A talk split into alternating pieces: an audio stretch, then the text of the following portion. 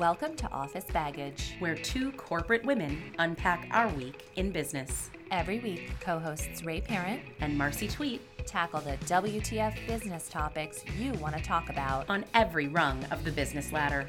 Bring your baggage, We'll unpack it. This week on Office Baggage. Yeah, we tried. We recorded the first episode of season two like six weeks ago, and we have no idea what we talked about. So let's start with a bang. Your Second Amendment rights. I feel like we have a Me Too moment to discuss yet again. And finally, as always, the week in mansplaining.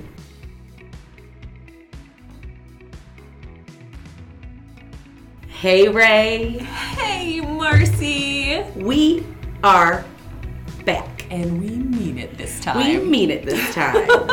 we apologize to our listeners. We recorded the first episode of season two in January.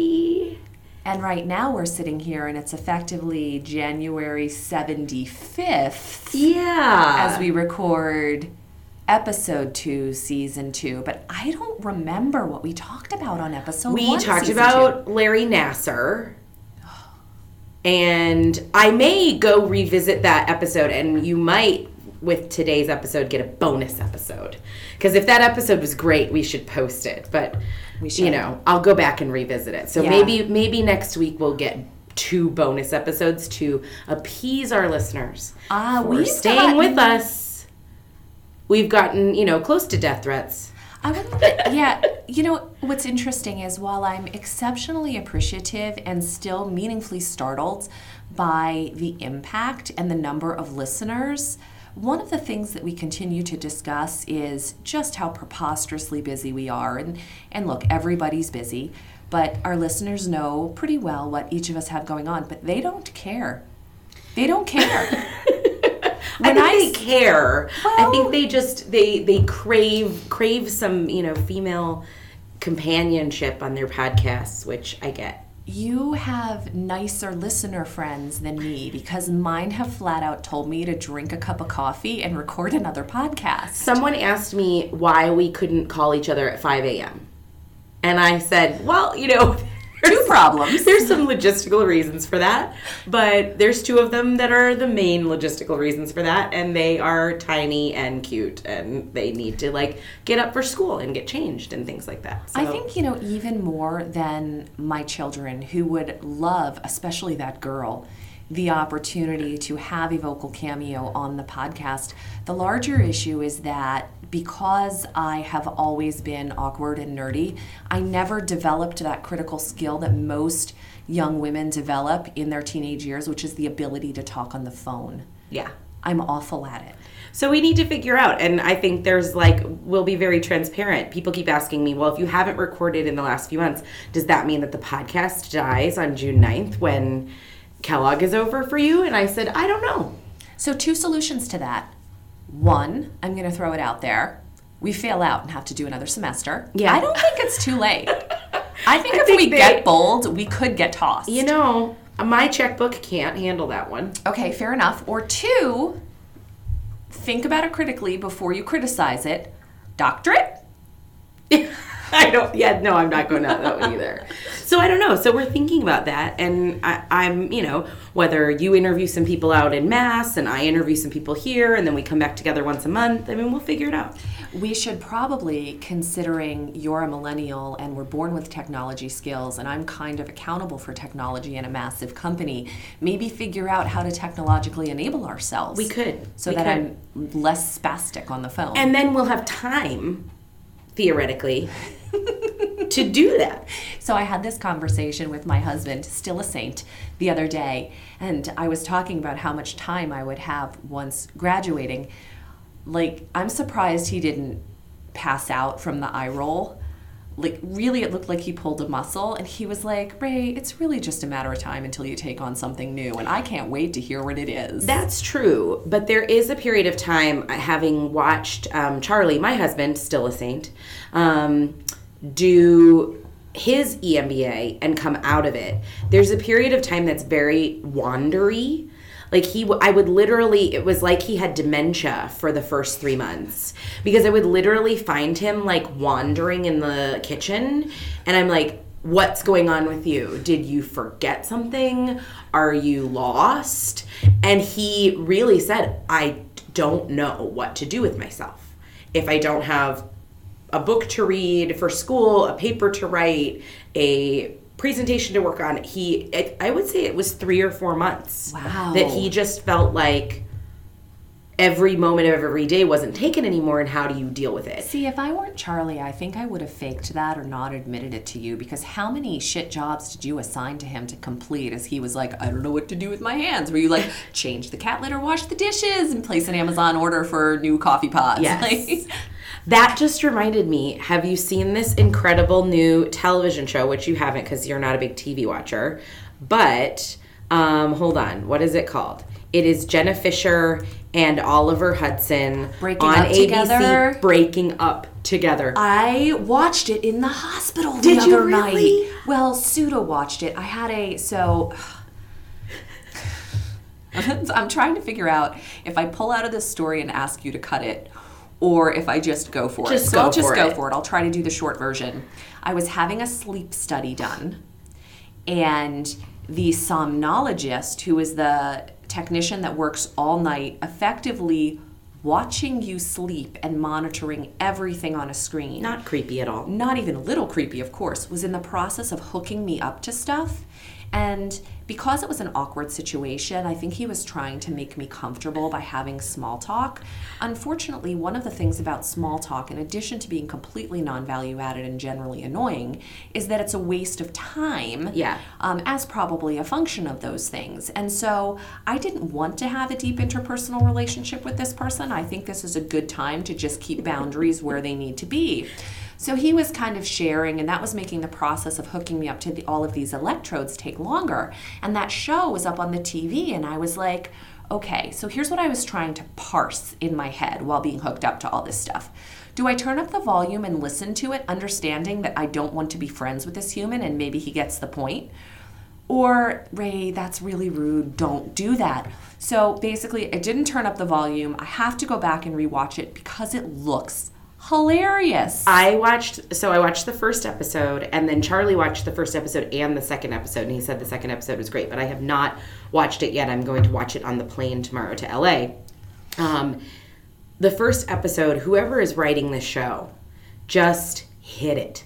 They hit I'm not even a mom, I'm not a mom, but there's a moment in it and this has been highly advertised where Oliver Hudson says to Jenna Fischer, I'm just going to go for a run. And she responds back, I'm just going to wash the dishes, do the kids' laundry, make dinner, clean house, blah, blah, blah, and lists all of the things she has to do that day. And Oliver Hudson stares at her and he goes, Great, what's for dinner? and it's the perfect, perfect analysis of this like traditional male female relationship. And I said this, I think I might have offended one of our classmates today. I said, if another rich white dude tells me he's too busy for something this week, I swear to God, I'm going to punch someone.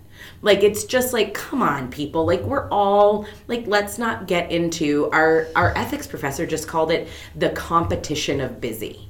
He's like stop it. Like we're all busy, we all have stuff to do. If you didn't do something, it's because you chose not to do it and you couldn't prioritize it in your calendar. Don't complain to me about That it. actually happened in class because I, I feel quite badly, and I think I texted you about this today. I'm I'm embarrassed. I went off on a couple of people today because I had organized and directed something and put you know four to five hours into it last night and today.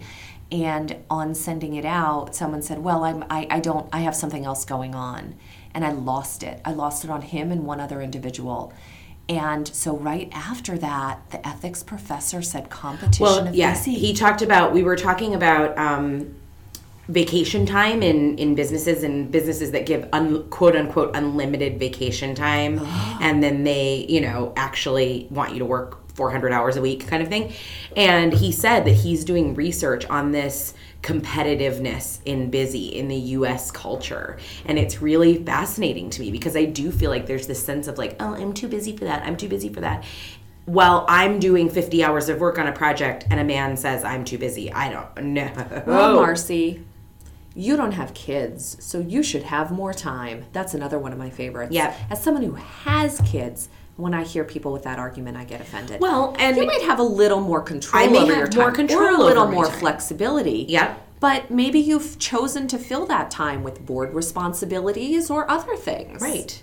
Right. And I think everybody has the things that they choose to put in their lives. And I can't judge someone for having children and having that be the thing they choose to put in their lives instead of sitting on a board or doing, you know, it's like, it just can we all just admit that everybody's where they are and like stop trying to say that your busyness is better than my busyness because it's just it's a little nuts And we do all have to make choices. yeah Right. And to, to consistently choose to prioritize some of the things that we need to do collectively here lower mm-hmm. really just effectively means, and it's not entirely dissimilar from the companies that have unlimited vacation time, someone else is carrying that weight.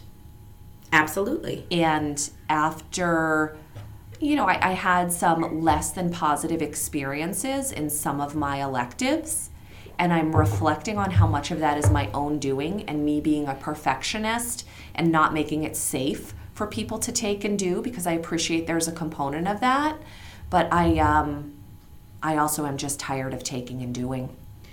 there's I, I don't think that it's a mistake. I don't think that it's a mistake to say it, and I don't think that it's it's wrong across the board.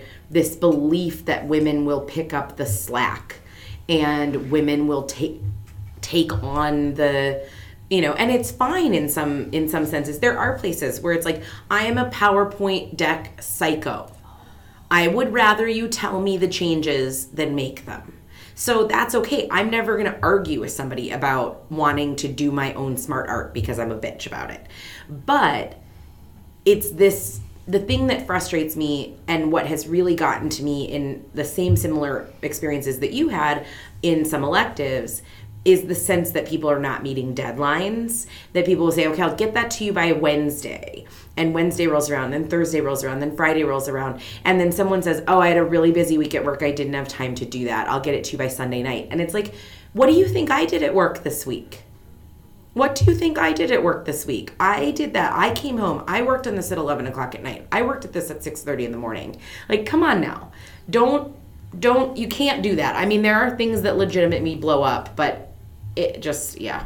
Yeah, right there with you, sister. Ugh. So we talked about Larry Nassar last time. Yeah. Um, did we talk about the social media commentary for Justice Rosemary Aquilina being We did. mean? We did. We I'm talked about her. Still, fi- you know, I.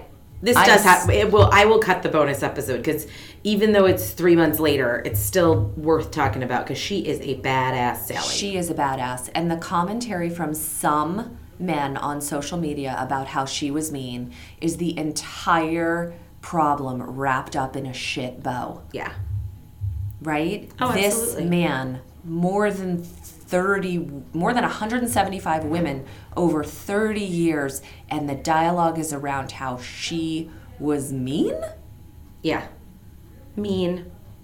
Oh, Too bad. Too bad. Whatever. She did not, to my knowledge, and I did look for it, she did not actually leave the bench and kick him in the nuts. So I actually think she has a growth opportunity. Yeah.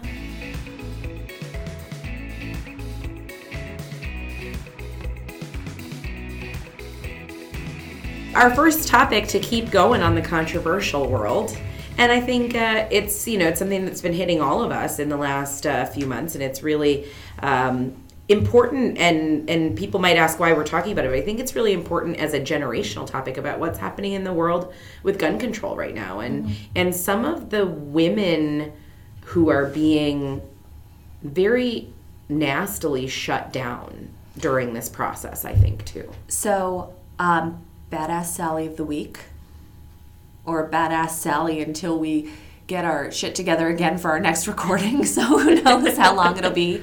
Uh, Miss Emma Gonzalez. Badass Emma. She Um, is fantastic. And at her age, to not only say and do the things that she's been able to say and do, but to stand up against the critics and the the Twitter zombies and all of those things. I mean, just Well, incredible. She's being uh, just forged in the fire of something so rapidly that most of us experience in dribs and drabs as we're taking our leadership journey. She's learning that people, when you're a woman and people don't like your message, well, they're going to attack your hair. Because if you have the nerve as a woman to be speaking out, you better have nice hair. Now, Ms. Gonzalez has a shaved head. They talk about her sexuality because if, if I don't like your message, well, your sexuality, that's, that's fair game, right? She doesn't wear makeup. And why don't you care about your appearance? Right. Why, why, why don't you care? But you know what? Don't wear too much makeup. Because then, how much can you possibly care about your message if you're spending that much time on your eyebrows? Um, she cried at one point because how could you not with what this young woman has seen? And I believe everybody knows this, but she's a Parkland survivor. And she's done a ton of work along with so many of her classmates to really advance the debate about gun control. At one point, she was crying and they call her weak. And when she stands strong, they call her everything from brutal to a butch. You know, the not just to Miss Gonzalez, but to everyone. Let's, you know, maybe if you guys had all been nicer. Really? For years, I've been watching the Twitter trolls and the Facebook people. Anytime something liberal is out there, the response is pretty much to hell with your feelings. But this all would have been fixed if we were nicer to the sad kid. Yeah. And of course, this woman should have been nicer because if something violent happens, it is 100% the woman's responsibility to make sure that that violent thing doesn't happen. So her ability to keep standing up and fighting the fight, like, if anybody knows Miss Gonzalez, if there's anything that we can do, say the word. Amazing. Say the word. There are so many people behind you.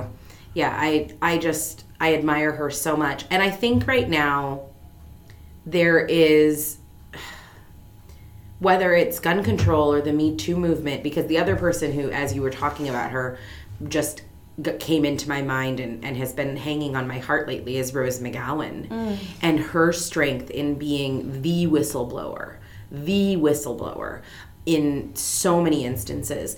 And it just it, it does feel like we're in a time where the opinions of women are being scrutinized and the actions of women are being scrutinized as much as if not more than ever before.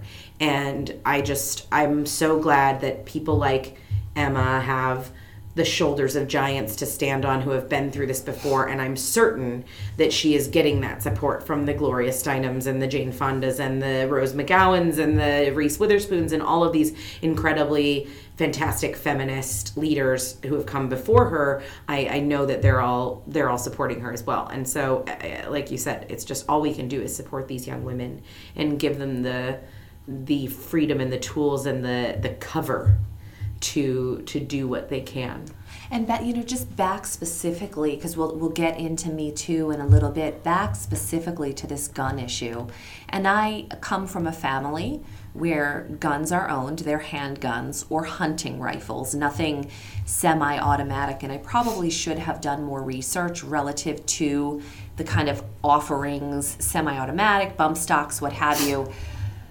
But there's a degree to which emotionally I can't, I can't handle it. Look, yeah.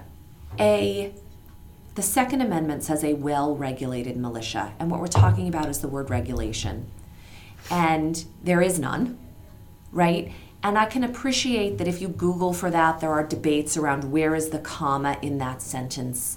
But for the love of god let's just take a step back. First of all there's no way the founding fathers could have conceived of something that shoots that many bullets a second.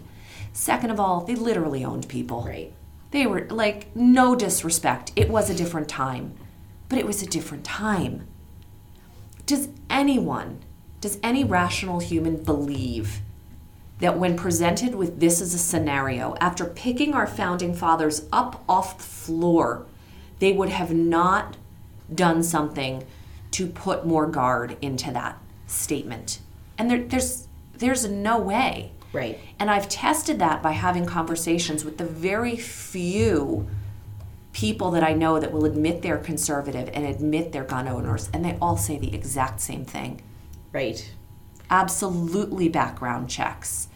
But so many people, you know, there is this sense from many, you know, I card carrying members of the NRA who are just saying across the board, no regulations. And I just fail to see how how they can get there.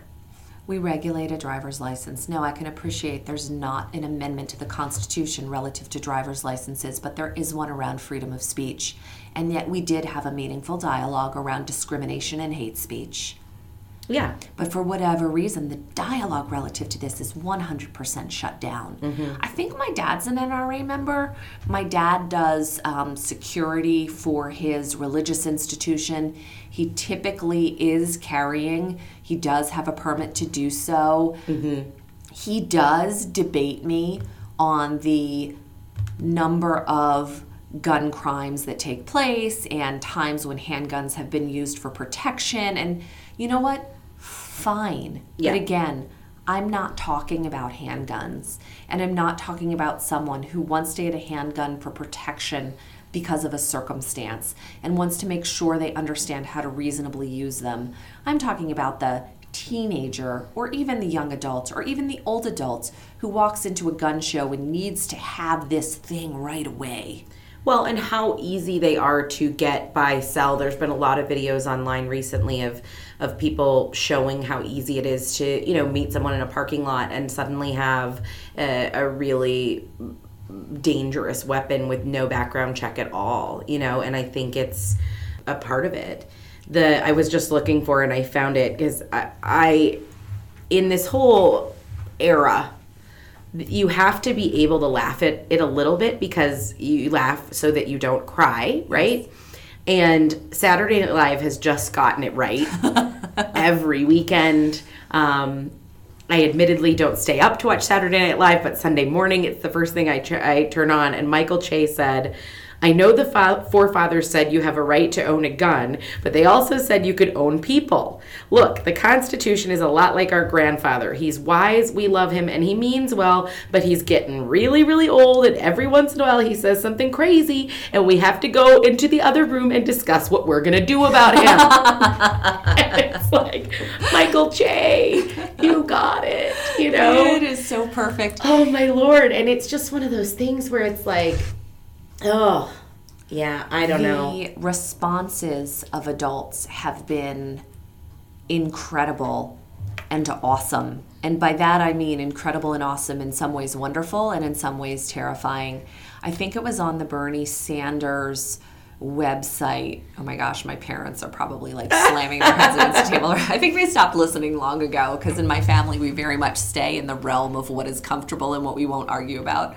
So we literally talk about like how done the turkey is over Thanksgiving. But anyway, um, you just WhatsApp something? How are you multitasking like that? I can. I don't know. That's It's because you had Coke talking, and I had wine. You had wine. I'm like, Although, you know what I was thinking relative to the wine? Oh yes, you told me this. Okay. So Go I shouldn't tell no, tell the listeners. I think it's very listeners, smart. listeners who have a soda stream, so I don't get in trouble at home because I'm on really thin ice and I can't afford any more any more trouble at home. I need to understand what happens.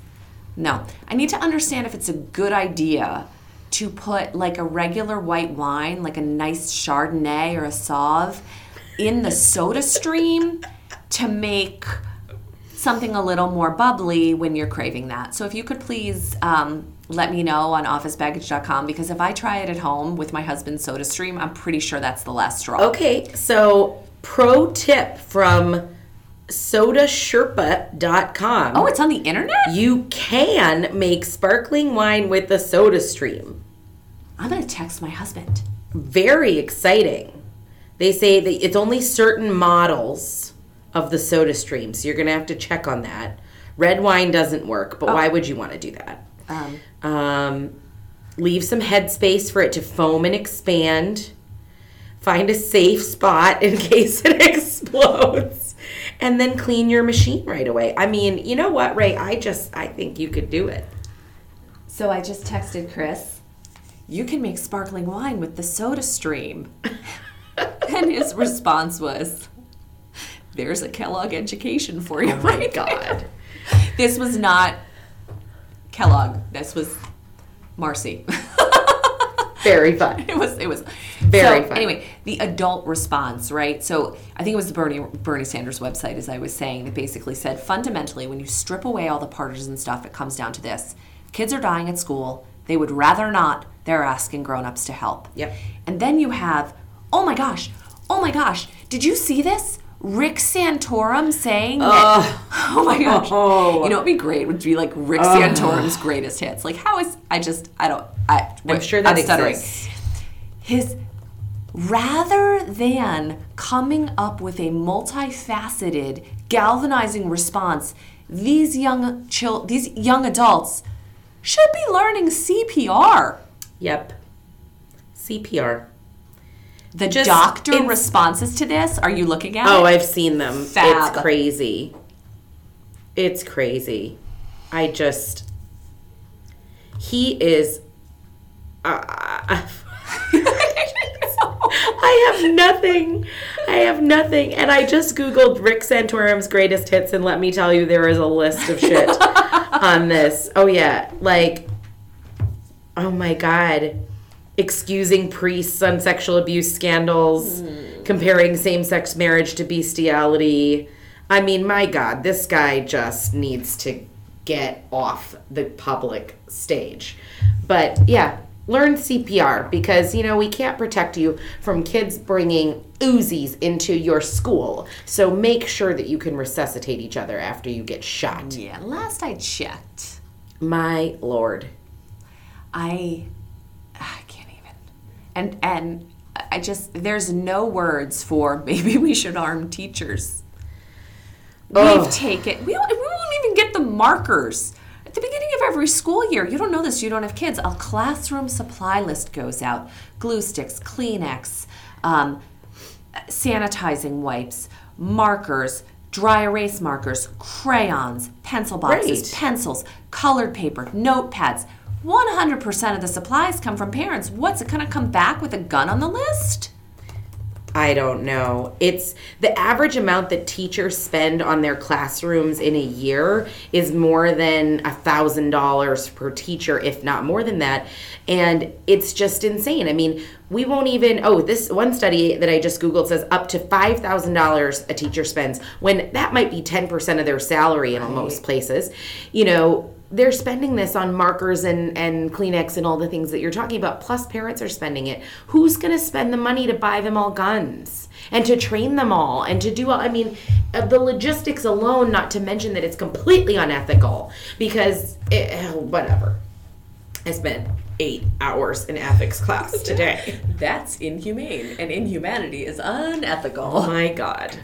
Um, I felt bad for the professor because they put us, I don't know if it was professor's schedules or what happened, but normally we only have two, maybe three sections of any class in a given day, and we had five today of ethics. And he's a great professor and a really great person, but anybody would be exhausted at the end of that. Especially with a topic like that, which is just so much emotional and mental juggling. Yeah. I mean, a lot, a lot of stuff can be seen as black and white, but when you're asked to de- dig deeper and parse out the whys, uh, that can be that can be really challenging. Well, so here I was going to tell you about a topic that got brought up in in that class and the women of our class collectively had a very strong and very similar reaction to something. So one of our male classmates, we were talking and it's not him, it's his company.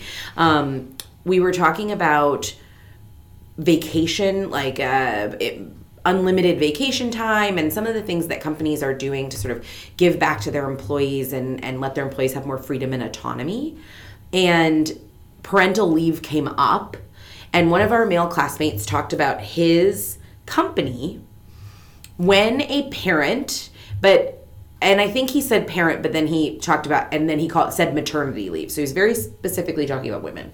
So that their maternity leave policy at their company is to give a woman what 12 weeks, I think is what he said. Um, and that when she takes that maternity leave, they shut down her email so that they have a full like clean break And he said it in a way, and I can actually get why the company would say that this is good, that they're really giving you the opportunity to take that time off and to really focus on your family. And the collective response of the women in the room was like, like huge, audibly, and then a bunch of us going like, uh oh no. Where it's like, suddenly you get to control the amount that a mother decides she wants to check in during maternity leave. I mean, that is between her and her team and her boss and her family. And the company's like, no, we're going to shut off your email. I thought if you were a woman who worked on commission, I would tell you to go jump off a roof. My God, I thought it just, it was really funny. And that you could see the men in the room were very concerned. They were like, isn't that a good thing? Why wouldn't that be good? This gets to our next topic a little bit, Yeah. which is sometimes men are coming from a good place and they're trying, but, they, but we're just like, uh, yeah, no, big miss, guys, big miss. Now, I actually want to talk to my friend Julia about that. We have HR people in that room, though, right? We have, we have a couple, yeah. Because um, maternity leave is technically disability. And there are disability rules relative to access. And I don't understand them well enough. My company never took, I was with a different company when both my children were born, and they never took away access. So I, I had that freedom to kind of check in and what have you, which I really appreciated and would have felt horrible if that was taken away. I think there's something with regards to That would be interesting to know about. I'm, I'm going to follow up on that. But still, Yeah. I don't work for small startups. I have always worked for Fortune 100 companies with HR departments that follow the rules, and my access was not taken away. Right. So I want to follow up on that one and get more information because my response to that is is like what? Just like everyone else in the Well, room. and I think I dropped ethics, everybody. I was out by the lake Club and seals and sacrificing virgins. I think if you're empowering the mother or the father, whoever's taking the paternal or maternal leave, to make those decisions, then I think it is fully permissible. I, one of my staff members, um, I've only been through one maternity leave with a staff member, and she she chose to um, check in from time to time. She wanted to stay connected to the team, and as um, she started to come back, we actually put um, in place some. She came back. Uh, she's probably listening to this and she's going to be like, "That's not what happened." Um, but I think she came back for three or four weeks halftime and for a couple so we really eased her back into did things, something which was really good. in. and Yeah. she did something to step in and i remember um, having some conversations and hr kind of felt weird about that. They wanted it all or nothing and we sort of fought the other way. Um, but you know to me there's an empowerment. You know Marissa Mayer had had this huge thing when she didn't take you know almost any maternity leave and had her child in her office with her. But that is up to the mother the mother has to decide and i think the organization has to empower a mother to, to choose what she wants. But it was really interesting to watch all of the women like the heads turn on on an access like no that's not okay. You can't take away my email access. So funny. Oh my goodness. So, um, article in the Wall Street Journal this week that I forwarded to you. Yes. Men learn to be allies without fear of offending female colleagues.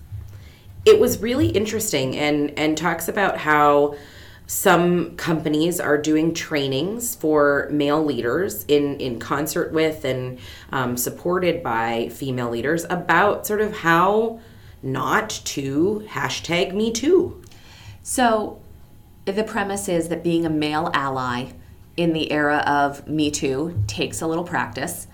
Uh, the article even goes so far at one point as to say has some men watching their step.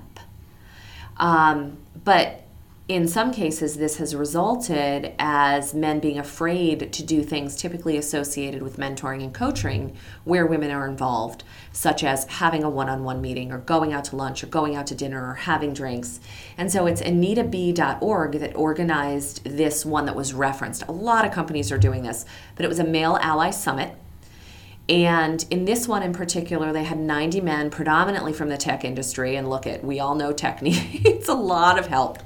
Um, I think it was in New York, workshops, role playing, panel discussions, and they outlined some facts. And so the, I'm going to call this facts, though I may not like them. So the first was nearly half of male managers said they were uncomfortable joining a woman in a common work activity, such as mentoring, working alone, or socializing together, according to a recent survey of about 3,000 employed adults, and this was done by leanin.org. And then 55% of American men said that the increased focus on sexual harassment and assault has made it harder for them to know how to interact with women at work. And this was from a Pew Research Center poll of more than 6,000 adults. And so I read that and I have a colossal R. I, there's a lot of dissonance. Because part of me says, Are you kidding me? This is so simple. Don't be a pervert. Right. But then you know how I feel about not shutting down productive dialogue. If you're coming from a good place and you ask the wrong question, but you're coming from a good place, that should be safe. So I'm really struggling with this. Yeah, I think we have to recognize the fact that there's been a, a major cultural shift as a result of the Me Too movement. And anytime there's a major cultural shift, there's going to be backlash about how to deal with that cultural shift. And I think for men right now, they've seen powerful men be ousted or. Ew! Bless you. Ew! Bless you. Ew! That was the cute. You're leaving that in because that was the most adorable sneeze ever. Whew. Okay. But men have seen powerful men in in corporate, in Hollywood, in government be ousted because of things that they did. And I think it's natural to when a member of your community and men are a community just like women are a community and when a member of your community is found out in that way it's natural to turn the mirror on yourself and it's probably good to turn the mirror on yourself for them to say have i ever done anything that was difficult for a woman to take or have I ever made a woman feel uncomfortable? And I think during that process of them turning the mirror on themselves, what I think most men will find is that they haven't. I hope that. This is what I hope. I hope most great men will find that they don't feel that they've they've made women uncomfortable in their workplace, but for a little while they're going to be asking themselves that question. Have I made women feel uncomfortable? Am I making women feel uncomfortable? And during that process of mirror turning, or learning about themselves, or maybe they're coming to the point where they realize they have made women feel uncomfortable, or they haven't done something that they should have. They may pull back from their female colleagues for a minute. I'm hoping that it's a very short term moment of men getting sort of up to speed mm-hmm. on what happened to the bad actors in their group. And it's funny, our ethics thing is just coming in today altogether you know, is it a bad apple or is it a bad barrel?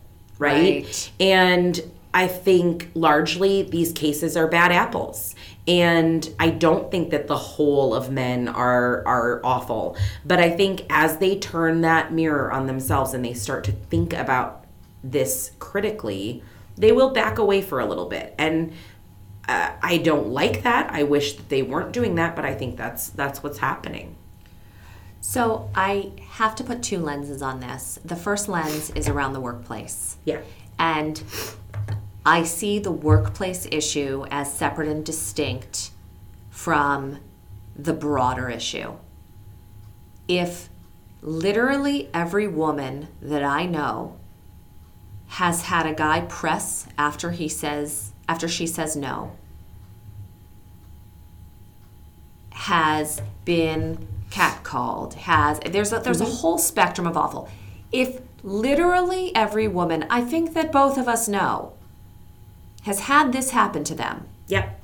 Then I think more men than not need to take a look in the mirror. Fair enough. My girlfriend was extremely drunk. We've had sex before. I figured it was okay.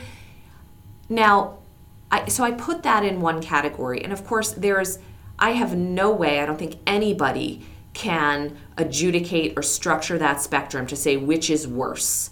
What's worse, the fact that your boyfriend did something or the fact that a stranger did? There's no way to do that. Right. But we've all been made uncomfortable relative to our sexuality at some point by a boyfriend or someone who wanted to be a boyfriend or a jump off or whatever. So I think all men do need to take a look in the mirror, relative, either whether from their younger days or from current. At the workplace, though, it's so black and white to me. Keep it in your pants. If you have the desire to have something outside of work with someone, ask with clarity. And if she says no, it's a no. I, and I But no, I think, it's not that black no, and white. but I see where I do see where the men in, in- when I read this article where some of them are coming from. Um, that a man who might look at a woman completely as a, a, mentee and someone he wants to see succeed in his organization, and he might normally have said. Hey, Marcy, I think you're doing a great job. I'd love to talk to you about your career and if I can help you in any way, help you six months ago, that might have felt innocuous. Yeah. And today, that interaction might feel fearful to him. I agree with that. And so I think there's there we have to be open to those conversations, and they have to be open, like in these conference um, conferences from Lean In and from Anita B and and the places that are doing this. They have to be willing to to admit the the discomfort and then to work through it. Right. To say to themselves, I want to help Marcy with her career.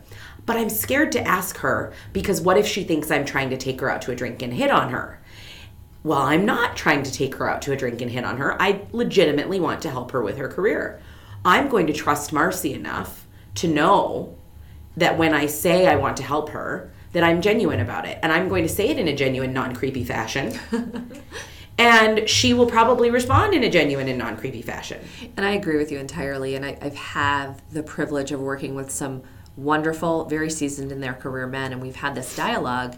And the piece of advice I've given to them is absolutely don't pull back.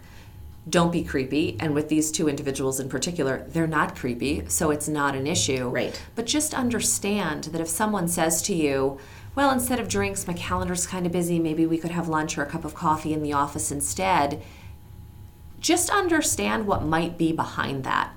Understand that she might have more of a trust slope to get up with you than some dude. Yes, our antenna are up as much as their antenna are up right now. Very well said. And the thing I would say to men who are in this this period of of you know mirror turning that we're talking about is during this time, if you're sort of watching and pulling back, don't stop sponsoring, um, and don't stop mentoring.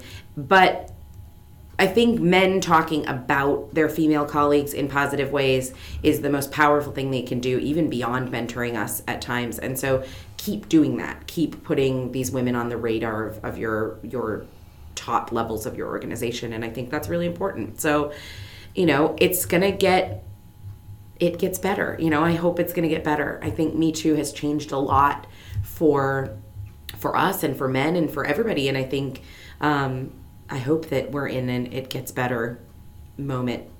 Agree. You know, me, hashtag me too, hashtag yes all women. It's- Hashtag times up. hashtag times- up.